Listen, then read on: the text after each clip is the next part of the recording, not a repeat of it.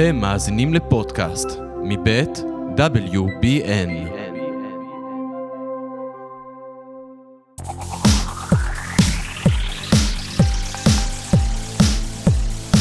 טוב, חזרנו לברייקינג אה, אחרי אה, תקופה קשה, אבל המצב במדינה מחייב, המדינה בוערת, המשברים הפוליטיים אה, מתקיימים והולכים וגדלים, ואף אחד לא מנתח את המשברים הפוליטיים, אז היינו צריכים לחזור עם ברייקינג. ולשם כך אנחנו התכנסנו בהנהלה חדשה, לעונה חדשה, עם אורי צירלין. שלום אורי. שלום אלעד, מה שלומך? בסדר, מאזינינו יכלו לשמוע אותו אה, גם כאורח בעונה הקודמת וגם אה, בספיישל הבחירות שעשינו בעונה הקודמת. והפעם אורי מצטרף אלינו באופן קבוע, עם זאת, דור בכל זאת יבוא, הוא יפציע כאן מדי פעם על חשש. אה, אורי הוא יועץ תקשורת במשרד WBN, אה, שזה במילים אחרות, שהוא עובד אצלנו. נכון, פשוט עובד של אלעד וולף. יפה, אבל אה, אם אתם שומעים אותנו לראשונה, אז כמובן follow, subscribe לעמוד וכל מה שנדרש. אם אתם שומעים אותנו, כי כרגע אנחנו משודרים בשתי מקומות, אז אם אתם שומעים אותנו דרך הפודקאסט של מצב חירום, קחו בחשבון שבתוך אה, עשר דקות מתחילת ההקלטה, הפרק הזה ייקטע לכם באמצע, ואתם תצטרכו לשמוע אותו דרך העמוד של ברייקינג, ולכן כבר מעכשיו מומלץ ללכת לעמוד של ברייקינג ולהאזין לזה שם, אבל אם אתם רוצים רק לתת לנו הזדמנות קצרה, אז אתם יכולים. Uh, בסדר, אורי, זהו, סיימנו הקדמות. מה, מה על הפרק? מה הכנת לנו? על מה אנחנו מדברים היום? היום אנחנו הרבה נושאים, רצים, רצים, רצים. כן, רצים, סטייל של ריצה. Uh, נתחיל עם ככה מה שהיה ביום רביעי, uh, על ההתנהלות הכללית של יום רביעי. יום הזעם. יום הזעם, יום, יום השיבוש. יום השיבוש, מה שנקרא. אה, שבאמת הביא תמונות אה, שלא ראינו הרבה זמן. אה, אבל אנחנו רוצים להסתכל על אספקט אחר של היום הזה, והוא ההתנהלות של הפוליטיקאים ביום הזה. ואני חושב שדיברנו על זה קודם, ומצאנו כמה דברים שהם עשו לא בסדר ביום הזה. אתה רוצה לפרט מה לדעתך היה, היה צריך להיות הדרך שבה הם מתנהלים ביום הזה? אני רוצה שנייה, אם אנחנו מדברים על פוליטיקאים, לקחת שתיים, שלושה צעדים אחורה אפילו, לאופ... באופן כללי איך הם מתנהלים מול המחאה הזו. כי התחושה שלי זה שקורית פה המחאה האופוזיציונית מהגדולות שאני זוכר. אני חושב שאפילו המחאה החברתית היא לא ברת השוואה לזה, כי המחאה החברתית היה בה משהו, אייל גולן הופיע ושלמה ארצי, והייתה סתם איזה קונצנזוס כללי כזה. פה יש ממש מחאה אמיתית נגד השלטון עם אג'נדה. ולדעתי בהקשר הזה זה באמת מה, מהגדולה, הכי גדולה שאני זוכר.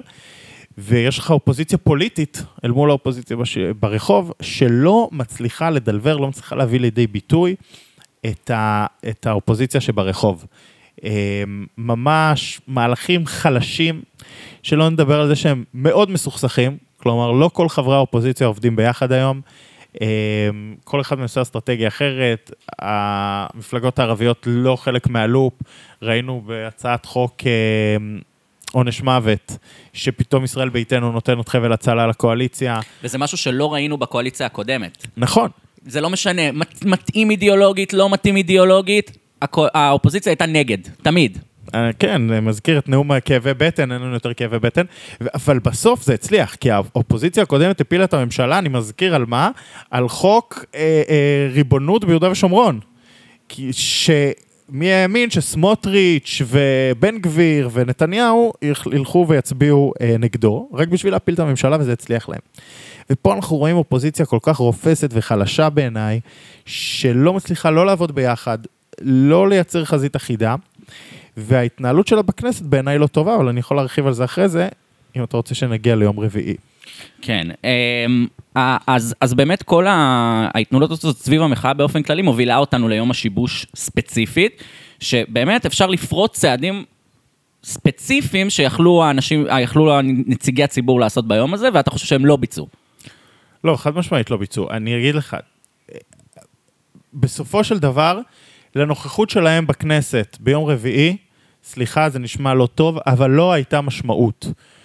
אה, בזמן שהשטח בער ברחובות, הנוכחות שלהם בכנסת נראתה אפילו מנותקת לחברי כנסת יש חסינות, לחברי כנסת יש הרבה מאוד דברים שהם יכולים להשתמש בהם כדי להגיע ולהיות חלק מהשטח ולהוביל אותו. זה בדיוק המקום של הפוליטיקאים, להוביל את המחאה ולאסוף אותה. אמ, לנצל את... עכשיו, הם התעוררו לעשות את זה בסביבות 2-3 בצהריים, שהכל כבר רדם, הכבישים היו חסומים, ועד שהם הגיעו לתל אביב, גם במכוניות שלהם, בלי לחשוב שהכל חסום, וקחו רכבת, ההפגנות היו בצומת על הרכבת, קחו רכבת. אבל לא, הם במכוניות, הם הגיעו, נתקעו בפקקים. אתה יודע, ממש, האופן שבו הם נתקעו בפקקים בדרך להפגנות שהם הגיעו אליהם באיחור, זה ממש משל להתנהלות האופוזיציונית, ממש, לחלוטין.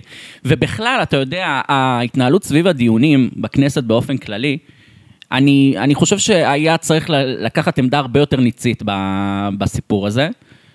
ההשתתפות של הנציגים בכל הדיונים והמתן אה, מקצועיות סביב הרפורמה הזאת, אני לא בטוח שזה המסר הנכון שהאופוזיציה צריכה להוציא בימים האלה. במיוחד, זה בא לידי ביטוי במיוחד ביום רביעי. זה יכול להיות כל כך משמעותי שכל סיעות האופוזיציה מצהירות, ביום כזה אנחנו לא ניתן את ידינו להצבעה הזאת, אנחנו לא ניקח בה חלק, זה לא הליך דמוקרטי, זה לא הולך לדמוקרטיה, זה בול על המסרים, אנחנו לא נשתתף בבית נבחרים שמוצע מתוכן ואנחנו נעמוד לצד האחים שלנו בהפגנה. זה מסר שפשוט, הוא מתבקש כל כך, ואף אחת לא הרימה את היד לעשות אותו, אפילו לא מפלגה אחת.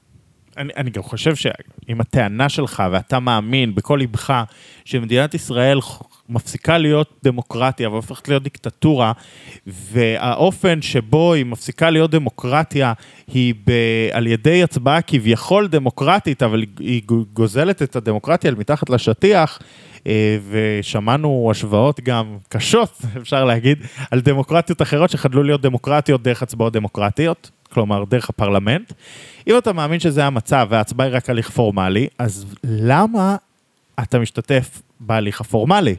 למה אתה נותן את החותמת שלך להליך, להפך, תן לקואליציה הזאת ללכת ולעשות הסברה, בדיוק. ונדבר תכף על ההסברה, כשהם יצטרכו להסביר איך הם העבירו רפורמה אנטי דמוקרטית ב-64-0. בדיוק. אבל אתה יודע, בשביל לעשות את זה, צריך שכל חברי האופוזיציה יסכימו לעשות מאוחדים. את זה, ואנחנו עוד פעם חוזרים לנקודת ההתחלה. נכון, המסר המרכזי זה באמת האפס, המספר אפס, אבל מצד שני, אתה אומר, גם לא הייתה אף מפלגה אחת, אפילו מפלגת העבודה, שתגיד, אנחנו לא נשתתף בהצבעות, אנחנו הולכים ליום השיבוש הלאומי. לא היה אף אחד שהרים את הכפפה הזאת. זאת אומרת, זה היה משהו שבאמת up to grabs, וכל אחד היה יכול לקחת את העמדה הזאת, ואף אחד לא עשה את זה. כולם הגיעו לכנסת, כולם לא הבינו את האירוע. והשאירו את המפגינים בעצם, כמו שאנחנו רואים לאורך כל התקיפה האחרונה, קצת לבד.